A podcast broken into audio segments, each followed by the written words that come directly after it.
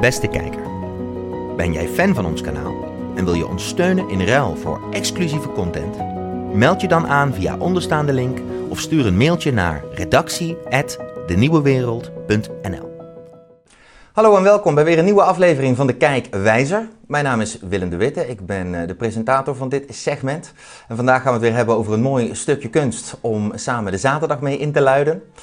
Uh, de eerste uitzending sinds het befaamde Sjaal-incident. Hartelijk dank aan jullie allen voor het voorkomen van uh, een nieuwe catastrofe van modetechnische aard op diezelfde manier. Um, openheid van zaken gebiedt ons mede te delen aan jullie dat dit dus een tip was van onze eigen Jelle van Badenwijk. Die zei, Willem, joh, je hebt zo'n lekker swingende persoonlijkheid, voel dat eens aan, vul dat eens aan met je eigen swingende kledingstijl. Draag die leuke sjaal's die je op straat ook altijd draagt. Sla die eens om en kijk hoe het publiek daarop reageert. Nou, jullie hebben duidelijk laten weten um, hoe dat jullie heeft mogen bekoren. En ik heb hem nu dan ook niet aan.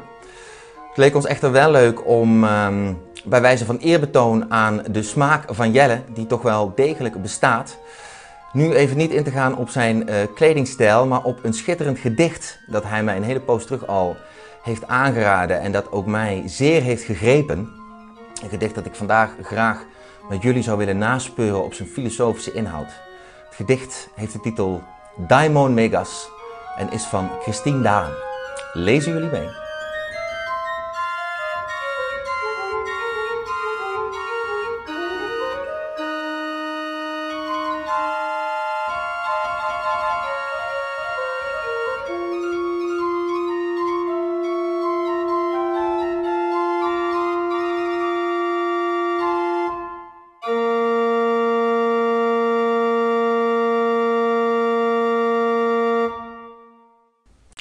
Vandaag gaan we het hebben over het gedicht Daimon Megas van Christine Daan. Zij is een Vlaamse dichteres en dit gedicht kwam uit al in haar eerste poëziebundel in 1951. Um, er zijn veel interessante dingen te zeggen over dit gedicht en ik denk dat ook opnieuw, zoals de vorige keer toen we het hadden over Dali, de situering van dit gedicht net na de Tweede Wereldoorlog informeert ook op verschillende manieren de inhoud van het gedicht en de thematiek die Daan um, daarin probeert tot uitdrukking te brengen. Deze thematiek is die van het demonische, zoals de titel wellicht al doet vermoeden. En wellicht niet het toeval, um, maar de geschiedenis van de filosofie wil dat meerdere denkers in de loop der tijd zich hebben ingehouden met dat thema van de daimon. Uh, een van de eerste interessante denkers, in elk geval in de moderne context, om hier te noemen, is denk ik Goethe. Goethe is een denker die in veel van zijn literaire, werken in elk geval uh, de figuur van de daimon um, als een soort van vreeswekkende figuur, ook een soort van uh, boodschapper tussen de wereld van de mensen en de wereld van de goden. Een figuur die zich ophoudt tussen het aardse en het bovenmaanse, of het eindige en het oneindige. Een figuur die zich aandient in de mensenwereld vanuit een plek die niet direct toegankelijk is voor die wereld. Um, die figuur wordt geïntroduceerd door Goethe. En er zijn wat interessante denkers in navolging van Goethe. Zoals onder andere Ludwig Klages aan het eind van de 19e eeuw, begin 20e eeuw. En eveneens begin 20e eeuw ook Walter Benjamin, een filosoof waar ik mij veelvuldig mee heb bezig gehouden. Dat zijn allemaal denkers die pakken dat thema van het demonische op. Um, en verbinden daar allemaal op hun eigen manier ook ja, gelijksoortige thematieken aan. Thematieken die ook worden uitgewerkt in het gedicht van Christine Daan. Um, ik zal eerst even het gedicht aan jullie voorlezen. En ik denk dan, als ik dat heb gedaan, luid ik dus mijn discussie in. Dan gaan we wat van die thema's die eigen zijn aan dit idee van het demonische, dat is ook op meerdere stadia uh, in de loop van de ideeëngeschiedenis ook weer opnieuw wordt geïntroduceerd. Um, we gaan dat idee proberen uh, te duiden en te analyseren aan de hand van het gedicht van Daan. Maar als ik dadelijk een eerste lezing heb gedaan, dan zou ik graag overschakelen niet meer op dit uh, beeld van mijn demonische gelaat, maar dan wil ik samen kijken naar het gedicht van, pardon, het schilderij van Max Ernst met de titel De Engel van de Haard. Ik zal kort wat zeggen over de schilderij. Deze uitzending opnieuw gaat niet over de analyse van dat schilderij, maar het is denk ik wel een hele krachtige, illustratieve afbeelding, uh, precies bij dit gedicht vandaan over die demonische krachten die mogelijk wel huizen in ons allemaal. Ehm, dat gezegd hebbende, laat mij eerst jullie uh, laten meegenieten van het gedicht zelf. Ik ga voorlezen uit Daimon Megas van Christine Daan. Mijn daimon bedroefde bij nacht mijn bloed. Het hoofd in uw armen, het hoofd van een man, het is niets. En uw dagen en nachten zijn niets, dan een schaduw van schaduwen, al wat gij doet. Het is niets. En het vlees dat gij eet en het bloed dat gij drinkt, het is niets. Verfoei ook den geest, want de ziel die gij eet, het visioen dat gij drinkt, het is niets. En zo al wat gij zoet, wat gij doet, het is niets. Het is minder dan de as en het schuim en de mond op uw hart. Het is niets. Als het zand aan de zee is uw alles en minder dan as van het vuur. En uw dromen zijn minder dan puin. Want al wat gij drinkt en verteert, alles voedt slechts mij, en de macht is aan mij. Echter gij, gij zijt niets dan een schaduw, en ik ben die leven in doodstrijd en sterven al levende doet. Ik slechts verzwijg u, mijn daimon bij nacht, bedroefde mij bitter, en het hoofd in mijn arm, het hoofd van een man. Het is niets, het is niets dan een aangezicht, sluimerend, vol koelte en zacht.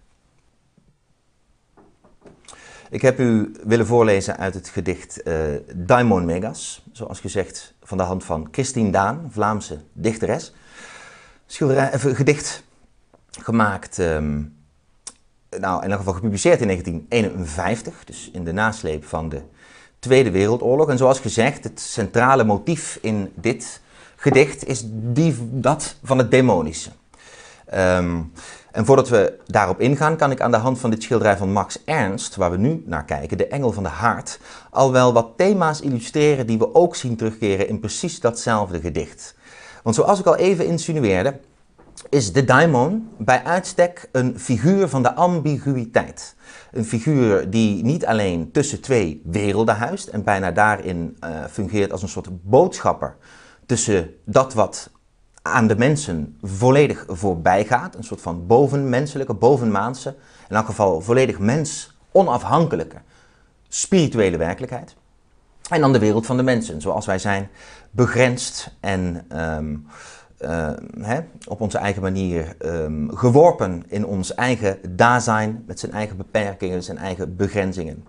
Um, en precies tussen die twee werelden, de wereld van dat wat toegankelijk is voor ons, de wereld wat wij ervaren en de wereld van dat wat ons overstijgt, in oude tijden misschien ook wel de wereld van de goden genoemd. Tussen deze twee werelden opereert de daimon. En wordt ook gezien als een boodschapper, precies in die zin dat de daimon ons zaken influistert vanuit een andere werkelijkheid, vanuit een andere wereld. Um, Zo'nzelfde boodschapper zien we ook in de figuur van de engel. De engel van de haard is wel de naam van het schilderij van Max Ernst. Ook de engel, angelus, betekent letterlijk boodschapper. Zoals de daimon is dus ook de engel in zijn eigen recht een uh, uh, kracht die tussen de wereld van de mensen en de wereld van de goden opereert. En dus ook boodschappen vanuit die godenwereld mee naar de mensen overdraagt. ander aspect van de ambiguïteit en de ambivalentie van de figuur van de daimon zit in, zoals ook in dit schilderij heel mooi tot uitdrukking wordt gebracht, uh, de, hoe de demon zelf de figuur, de, de, ergens het midden houdt tussen een vreeswekkende figuur en een hoopgevende figuur. Uh, de boodschap die de daimon meebrengt is mogelijk te groot en daarin ook vreeswekkend voor de mensen aan wie die boodschap uh, wordt tentoongespreid. Maar tegelijkertijd zit er dus ook, zoals in deze demon, bijna een vreugdevol element, misschien zelfs een aantrekkelijk element. Hoewel duidelijk, dit schilderij is niet uh, weergave van de meest aantrekkelijke engel, als we dit wezen al zo zouden willen noemen. Maar de vreugdevolheid die erin tot uitdrukking komt, geeft dus ook een ambivalentie aan dit, aan dit figuur. Iets uh, vreugdevols en tegelijkertijd iets vreeswekkends komt in de figuur van de daimon tot uitdrukking. Dus ook dat is een aspect van die ambivalentie. Hè? Dus, uh, die ook wel wordt geïdentificeerd met deze figuur als zodanig. Vooral ook door de filosofen die we zo even hebben genoemd. Goethe, Klages, Benjamin.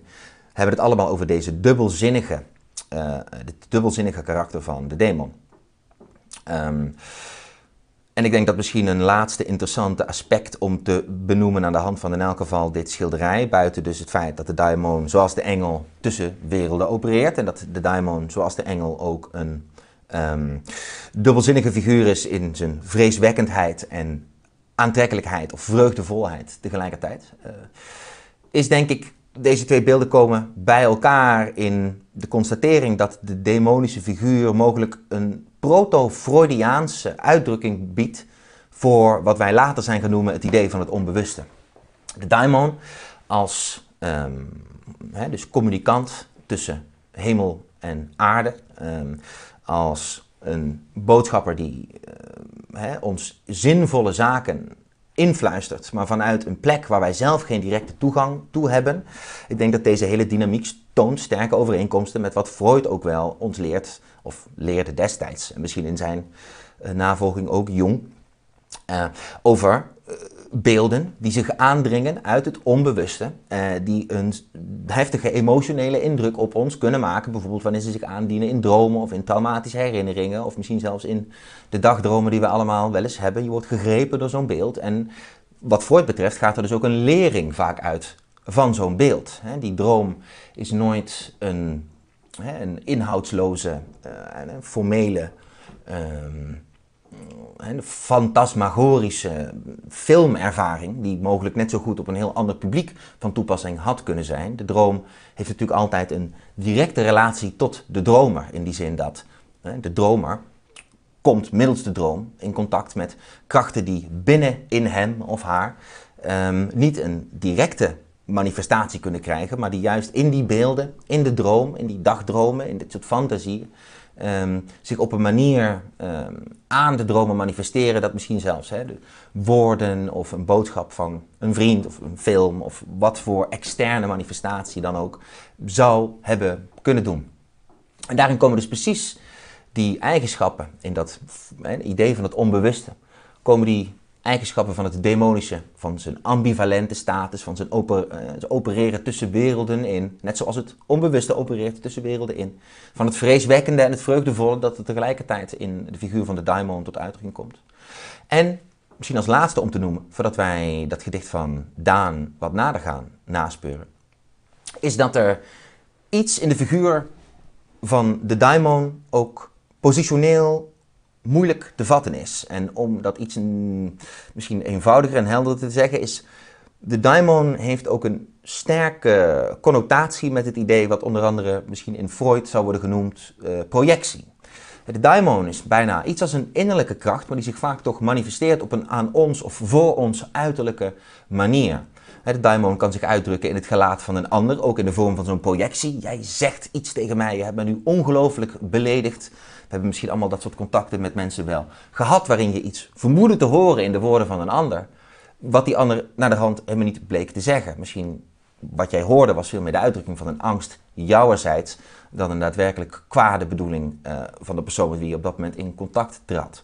En ook daarin komt dat demonische tot uitdrukking en precies ook weer dat ambivalente van de daimon. Dat idee dat de daimon in mij is, maar tegelijkertijd zich manifesteert alsof hij buiten mij is.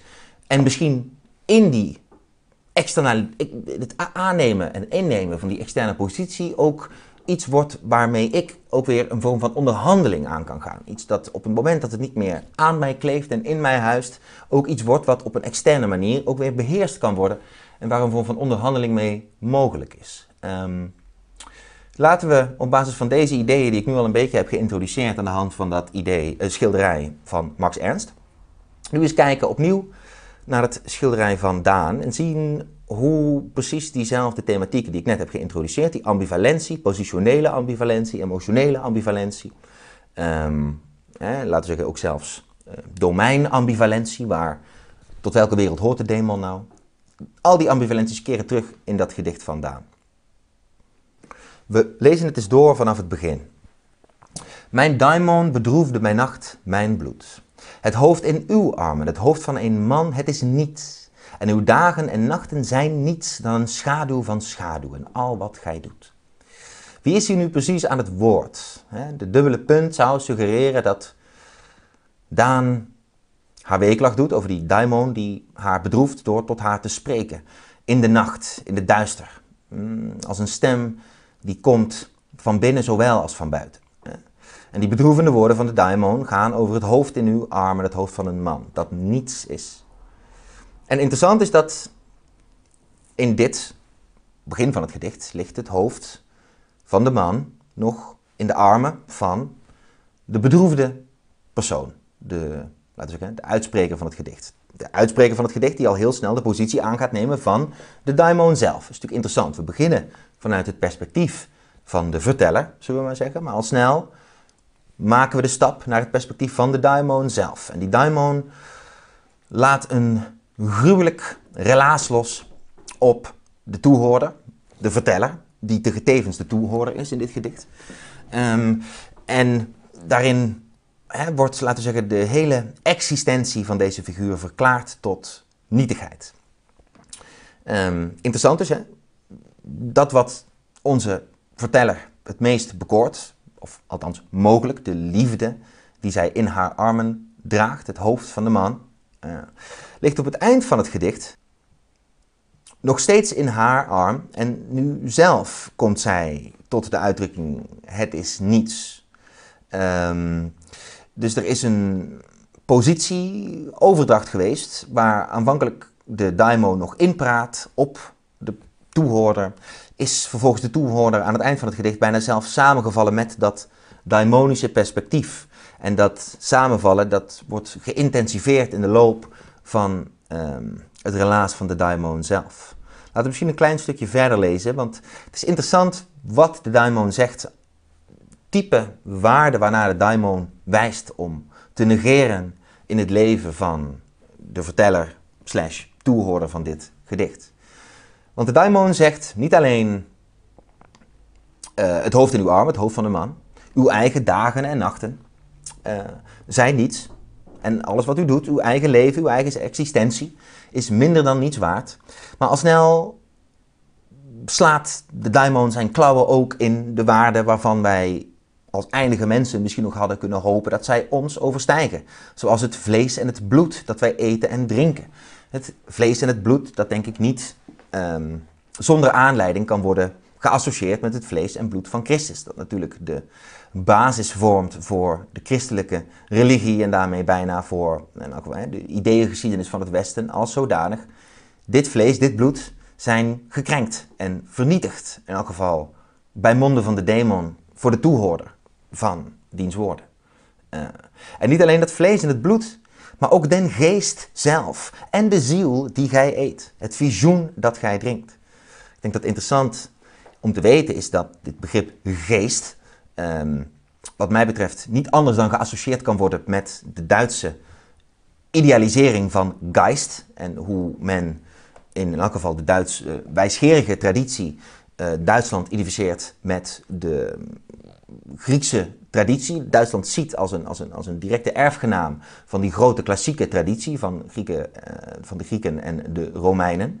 Um, en dat men in die Geistesgeschichte dus ook ergens, hè, dus, dus men ziet lange tijd dus, dus Duitsland en in de persoon van Duitsland bijna ook Europa zelf als de erfgenaam van die klassieke waarden. Uh, en die, dat erfgenaamschap wordt natuurlijk nergens anders zo intensief geveerd als in de tijd van de verlichting. Um, de tijd van de reden, misschien is ook wel de eeuw van de geest in die verlichtingsperiode precies die geest, precies die geest van de ratio, precies die geest um, die de mens voor in elk geval een korte poos doet geloven dat hij met zijn eigen uh, geestesvermogens ook um, zichzelf een plekje op aarde kan verschaffen. Um, zonder overkoepelende idealen als dat van een god. Hè, dus zonder dat vlees en dat bloed. Nu zelfs die geest is door de daimon, die Daan hier aanroept, uh, die moet verfoeid worden zelfs. Die geest ook zelf is, is vernietigd, is vernietigd en is tot niets verklaard door de daimon. Als we dan kijken naar het volgende begrip, ziel, dan is het ook interessant om te weten dat precies in een soort van tegenreactie op die geest van de verlichting men in Duitsland ook weer een poos lang begint te spreken van de tegenstelling tussen ziel en geest. Waarin de geest zou staan voor de reden, de rationele mens die met zijn kenvermogen, handelingsvermogen, handelingsbekwaamheid ehm, de, zich meester maakt van de natuur. Hè, en op die manier ehm, zichzelf ziet bijna als het middelpunt van de werkelijkheid. Die geest wordt in de periode van de romantiek en een poos daarna gesupplementeerd, bijna als een soort van hè, tegengif toegediend van een meer romantische conceptie van ziel, een meer met de natuur intiem verbonden en aan de natuur overgeleverde conceptie van uh, de menselijke natuur. Hè. Uh, ideeën dat juist middels zijn intuïties en middels zijn gevoelens de mens toegang krijgt tot waarden die voor de reden zelf verborgen moeten blijven. Uh, ook deze ziel wordt door Daan um, vernietigd, wordt tot niets verklaard. Ook deze ziel is niets. Net zoals al wat gij zoekt, wat gij doet. Interessante, denk ik, is aan het zelfs onder vuur nemen van deze mens overstijgende waarde, is dat kenmerkend aan die figuur van die daimon is, als een figuur die ook geassocieerd kan worden met het onbewuste, is dat het niet een strikt individuele kracht is. Dat de daimon en de demonische kracht ook door Daan en door meerdere filosofen voor haar wordt geïdentificeerd met een supra-individuele kracht. Misschien iets wat je met Jung zou kunnen identificeren met een soort van um, collectief onbewuste. Maar nu niet een collectief onbewuste in zijn inspirerende, vrolijke, motiverende, energetische kant. Maar dus juist hè, waar, het, waar het die diepgezetelde angsten, onzekerheden, driften in de mens betreft, um, die de mens in de loop van zijn leven altijd kunnen blijven uh, overnemen en overvallen zodat, net als de verteller van dit gedicht, ook jij en ik en de mens als zodanig in de ban van demonische krachten kunnen geraken. Die demonische krachten die gaan boven het individu uit, bijna, en, en, en vormen een rijk op zich, waar wij als gemeenschap ook van in de ban kunnen komen. Ik denk dat het in deze context ook interessant is om te denken aan theorieën van die man Matthias de Smet over massapsychose. En voor Matthias de Smet zijn er natuurlijk vele denkers geweest die op een soortgelijke manier hebben nagedacht over dat wat in onze ook psychologische dynamieken, wat ook in ons, onze emotionele ervaringen aan het individu voorafgaat. Die collectieve elementen in onze gevoels- en uh, beleefwereld uh, zelf. Ik denk dat op precies dat niveau van de menselijke beleving zet Daan ook in met uh, haar gedicht over deze daimon megas, deze grote demon. En zij eindigt te zeggen, al wat gij drinkt en verteert, alles voedt slechts mij. Nou, sorry, ik sla misschien een klein stukje over, waar het ook gaat over de as en het schuim. Mond op uw hart, het is niets als het zand aan de zee. As, schuim, zand, as en puin, vuur, Interessant hoe dit anti-essentiële uh, beelden zijn. Hè? Dus ver weg zijn die Platoonse, mensoverkoepelende waarden zoals schoonheid, waarheid, eeuwigheid. En al dat rest zijn as, schuim, stof. Bij uitstek beelden, denk ik, die een Plato zou hebben geassocieerd met de anti-idee. er zijn geen ideeën. Dit is het excrementale. Dit is het overblijfsel, het stof van de aarde. Um, maar dat is alles dat, in elk geval de verteller van dit gedicht, rest. Want al wat gij drinkt en verteert, voedt slechts de daimon. En de macht is aan mij. Kijk, hier opnieuw de verwisseling van die posities op een geweldig interessante manier. Want wat gij drinkt, verteert, dat voedt slechts mij, de macht is aan mij. Echter, gij, gij zijt niets dan een schaduw en ik ben degene die leven in doodstrijd en sterven al levende doet. De daimon is het werkelijke levensprincipe. En ik, als dromer en slaper, ik ben eigenlijk maar een vehikel van die duistere krachten die huizen dieper in mij.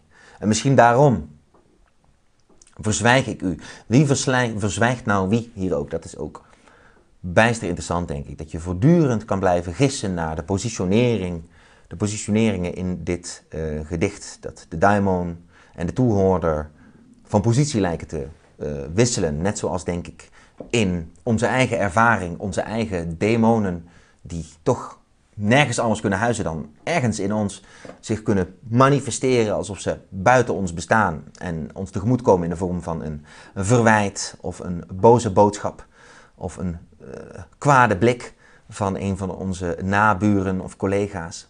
Die daimon die huist in ons allemaal en kan altijd opnieuw ehm, uit de diepte opreizen in ons allen. Ehm, ik denk dat dat zijn bijzonder interessante thema's die uh, Christine Daan in dat gedicht tot uitdrukking uh, brengt. Toch de hoopvolle gedachte waarop zij het gedicht eindigt. Niets dan een aangezicht, sluimerend, vol koelte en zacht. Het lijkt bijna alsof hier achter de essentie helemaal niets meer over is dan alleen maar die, die, die, die sluimerende aangezichten, impressies.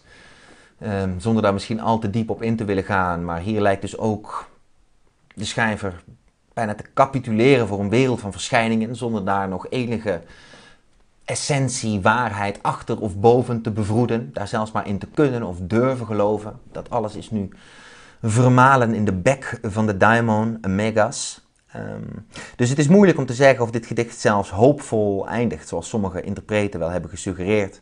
Want wat mij betreft heeft ook dit gedicht toch wel iets bitterzoets in zijn einde. Uh, een overgave aan het hier en nu, omdat iets dat aan hier en nu nog richting zou geven, iets dat daar nog aan te boven zou gaan, dat alles is uh, niet meer voor ons althans, uh, misschien wel te dromen of te denken.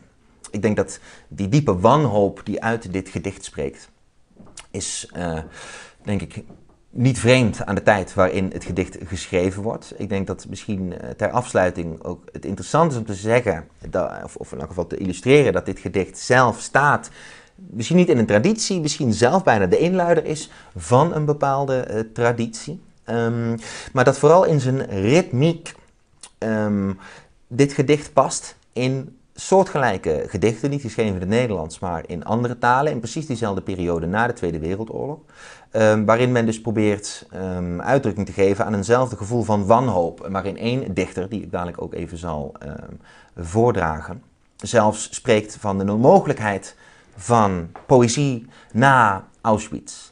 Dus na de Shoah, na de gruwelen van de Tweede Wereldoorlog, mogelijk gruwelen waar iemand als Christine Daan op haar eigen manier niet volledig van bewust was. Want alle feiten over de Shoah en de, en de, gruwelen komen natuurlijk ook in de loop van de geschiedenis later pas naar boven. Maar mogelijk, nou vast en zeker, je hoeft de geschiedenisboeken er niet op te hebben nageslagen om aan de lijve te hebben ondervonden hoe afgrijzelijk die oorlog was.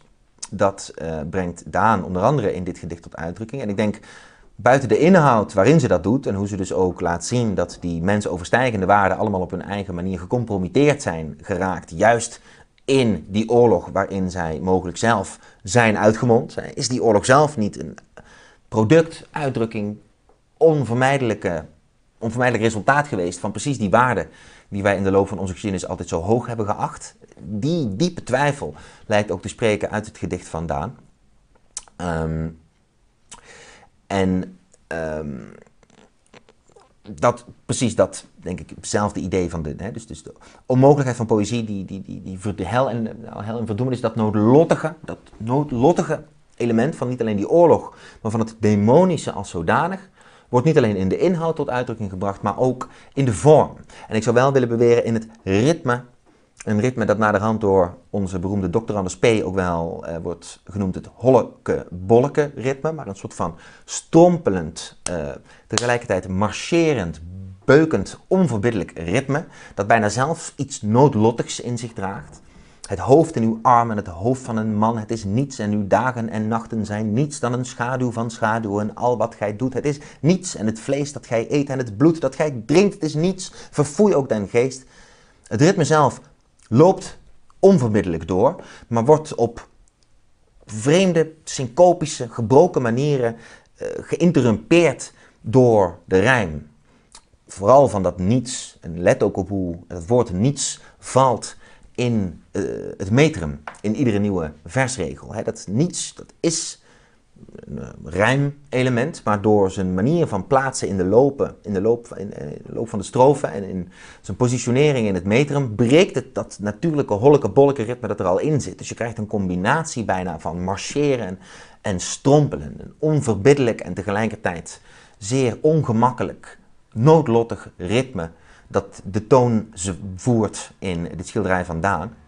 En ik denk opmerkelijk is dat precies ditzelfde noodlottige ritme Ehm, een ritme dat bijna zelf de enige continuïteit nog is in een wereld waarin alle continuïteit en doelmatigheid en hogere streefwaardigheid volledig vernietigd is, volledig gebroken is. Alleen dit ritme dreunt nog door. Het is ook een, een, een, bijna een karnaal. Het heeft ook iets van een hartkloppen. Alleen het hart klopt nog, maar het lichaam is dood. Eh, zo'n zo'n noodlottig, meer dood dan levendachtige ritme. Um, zoiets ervaar ik althans in wat Daan hier uitdrukt. En ik denk dat een kleine bloemlezing van uh, wat andere gedichten uit diezelfde tijd, heel kort opnieuw om af te sluiten, ook denk ik zal illustreren dat het niet alleen maar in de figuur van Daan is dat deze gevoelens zo tot uitdrukking worden gebracht. En dat niet alleen Daan zag dat precies ergens in dat beukende ritme, dat daar misschien wel de enige vorm van continuïteit nog te zoeken valt uh, in een wereld waarin alle grotere waarden volledig zijn geëxplodeerd. Want we vinden zo'n gelijksoortig noodlottig ritme terug in twee gedichten die niet alleen stammen uit diezelfde tijd, maar die ook een soortgelijke ervaring tot uitdrukking uh, brengen. Een ervaring van zowel groot verlies en vrees, als misschien toch ook wel nog steeds een gevoel van door moeten gaan, zullen gaan, niet anders kunnen dan. Um, het eerste gedicht dat ik in deze context graag zou willen noemen is het gedicht Prayer Before Birth van Louis MacNeice, de Ierse schilder. De, uh, natuurlijk niet schilder, maar dichter. Ik ben het zo gewend om uh, van schilders te spreken in deze opnames dat ik mij uh, automatisch verhaspel. Excuses daarvoor. De dichter uit Ierland, Louis MacNeice, schreef gedurende de Tweede Wereldoorlog al het gedicht Prayer Before Birth, maar dat komt pas vele jaren later, uh, wordt dat ook daadwerkelijk gepubliceerd. Ik wil een kort stuk voorlezen, puur en alleen om te laten zien dat dit idee van een noodlottig, zuiverend, fatalistisch ritme, precies als uitdrukking van de fataliteit van de Tweede Wereldoorlog, ehm, dat die een bijzonder verband met elkaar aangaan, ook weer in dit uh, gedicht. En Louis MacNeice schrijft: I am not yet born, oh hear me. Let not the blood-sucking bat, or the rat, or the stoat, or the club-footed ghoul come near me. I am not yet born, console me. I fear that the human race might with tall walls wall me, with strong drugs dope me, with wise lies lure me, on black racks rack me, in bloodbaths roll me. I am not yet born, provide me with water to dandle me, grass to grow for me, trees to talk to me, sky to sing to me, birds and a white light in the back of my mind to guide me. I am not yet born, forgive me, for the sins that in me the world shall commit, my words when they speak me, my thoughts when they think me, my treason engendered by traitors beyond me, my life when they murder by means of my hands, my death when they live me. So de luisteraar vooral willen adviseren zelf dit gedicht nog eens onder de loep te nemen. Want het is een gedicht waarvan ik elke keer weer kippenvel krijg. Wat ik niet recht kan doen in deze concluderende opmerkingen van deze opname. Maar ik zou toch willen zeggen, vooral in deze laatste strofe die ik nog even voorlas, komt ook weer dat en het holleke bolleke gebroken. Maar dus iets fatalistisch. En tegelijkertijd dus de thematiek van een kind dat ook op zijn eigen ongeboren kind. Hè, dus dat als archetype spreekt tot de mensheid en bijna al voorziet wat voor gruwelen het zal moeten aanrichten. Ook gedwongen door krachten die de mens als individu ver overstijgen. Bijna grote historische driften die individuen in hun ban krijgen en waar zij vervolgens eigenlijk alleen maar machteloos uh, navolging aan kunnen geven. Uh, en die angst wordt uitgesproken door dit nog ongeboren kind in het gedicht van Louis MacNeice, dat eigenlijk vraagt aan de mensheid: bespaar mijzelf en hopelijk op den duur ook jouzelf deze pijn. Um, en misschien daarin dus ook de vraag stelt: uh, is dat überhaupt wel mogelijk? Wij kunnen hopen en dromen, maar mogelijk zijn wij dus ook um, gedoemd om telkens dezezelfde patronen te herhalen en mee te marcheren in dat fatale ritme dat ook weer uh, tot uitdrukking komt in het gedicht van McNeice. Misschien als afsluitende uh, toegift nog wat korte strofen uit het gedicht Todesfuge van um, Paul Celan. Een Joods-Duitse dichter die zelf uh, de gruwelen van Auschwitz mee heeft gemaakt. En die uh, onder andere uit die ervaring dit gedicht heeft gedestilleerd. Ik denk dat het bijzonder informatief om dit gedicht te koppelen aan de Haan. Niet alleen omdat dit zo'n beroemd gedicht is, waarin denk ik een soortgelijke uh, fatalistische ritmiek tot uitdrukking komt als in dat gedicht van Daan. Terwijl dat gedicht van Daan, in elk geval voor zover ik kan inschatten, eerder is gepubliceerd dan het gedicht van Celan. Dit kwam uit in 52 en dat van Daan in 1951. Uh, en we zien diezelfde doodse ritmiek waaraan dus Celan ook de onvergetelijke naam geeft, denk ik. Todesfuge, de fuga des doods. Want die fuga des doods is het waarin de hele wereld, in elk geval tussen 1939 en 1945, werd opgezogen, een poos lang. Um, laat mij kort dit gedicht voorlezen. Nadat te hebben gedaan, zal ik ook afsluiten. Ik zou jullie graag ook even willen attenderen op het feit dat wij een Petje Af-account zijn gestart. En dat deze afleveringen van Kijkwijzer vanaf uh, deze aflevering, dus de volgende, um, um, uh, alleen nog maar voor betalende kijkers toegankelijk zijn. Voor 5 euro per maand kan je je al aanmelden. En dan heb je dus een wekelijkse Kijkwijzer aflevering waarvan jij zelf kan genieten. En natuurlijk kan terugkijken wanneer jij wil.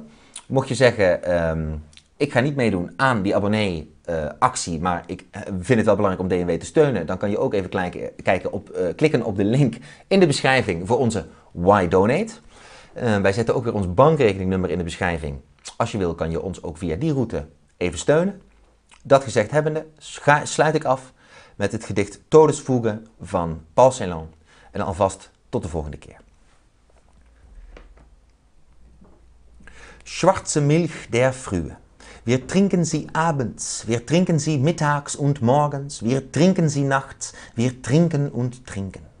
Wir schaufeln ein Grab in den Lüften, da liegt man nicht eng. Ein Mann wohnt im Haus, der spielt mit den Schlangen, der schreibt, der schreibt, wenn es dunkelt nach Deutschland, dein goldenes Haar, Margarete. Er schreibt und es tritt vor das Haus und es blitzen die Sterne. Er pfeift seine Rüden herbei, er pfeift seine Juden hervor, lässt schaufeln ein Grab in der Erde, es, er befiehlt uns, spielt auf nun zum Tanz.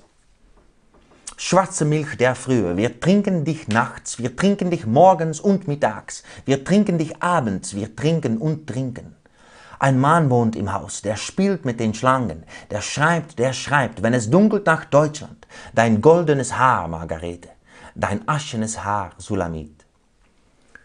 Wir schaufeln ein Grab in den Lüften, da liegt man nicht eng.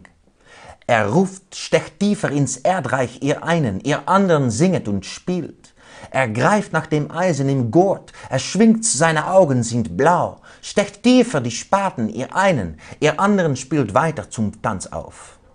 Schitterend dat breken van dat ritme, enerzijds die fuga en dan soms weer dat, dat, dat breken van die ritmiek. Precies zoals we dat zien in dat gedicht van Daan, mogelijk totaal niet om elkaar geïnspireerd, maar uitdrukking gevende toch aan een soortgelijk gevoel, aan een soortgelijke onmogelijkheid. Schwarze Milch der Frühe, wir trinken dich nachts, wir trinken dich mittags und morgens, wir trinken dich abends, wir trinken und trinken. Ein Mann wohnt im Haus, der, dein goldenes Haar, Margarete, dein aschenes Haar, Sulamit. Er spielt mit den Schlangen, er ruft, spielt süßer, den Tod, der Tod ist ein Meister aus Deutschland. Er ruft, streicht dunkler die Geigen, dann steigt er als Rauch in die Luft. Dann habt ihr ein Grab in den Wolken, da liegt man nicht eng. Schwarze Milch der Frühe, wir trinken dich nachts, wir trinken dich mittags. Der Tod ist ein Meister aus Deutschland, wir trinken dich abends und morgens, wir trinken und trinken. Der Tod ist ein Meister aus Deutschland, sein Auge ist blau. Er trifft dich mit bleierner Kugel, er trifft dich genau. Ein Mann wohnt im Haus, dein goldenes Haar, Margarete. Er hetzt seine Rüden auf uns und er schenkt uns ein Grab in der Luft. Er spielt mit den Schlangen und träumet, der Tod ist ein Meister aus Deutschland. Dein goldenes Haar, Margarete, dein aschenes Haar, Sulamit. Hartelijk dank en tot de volgende keer.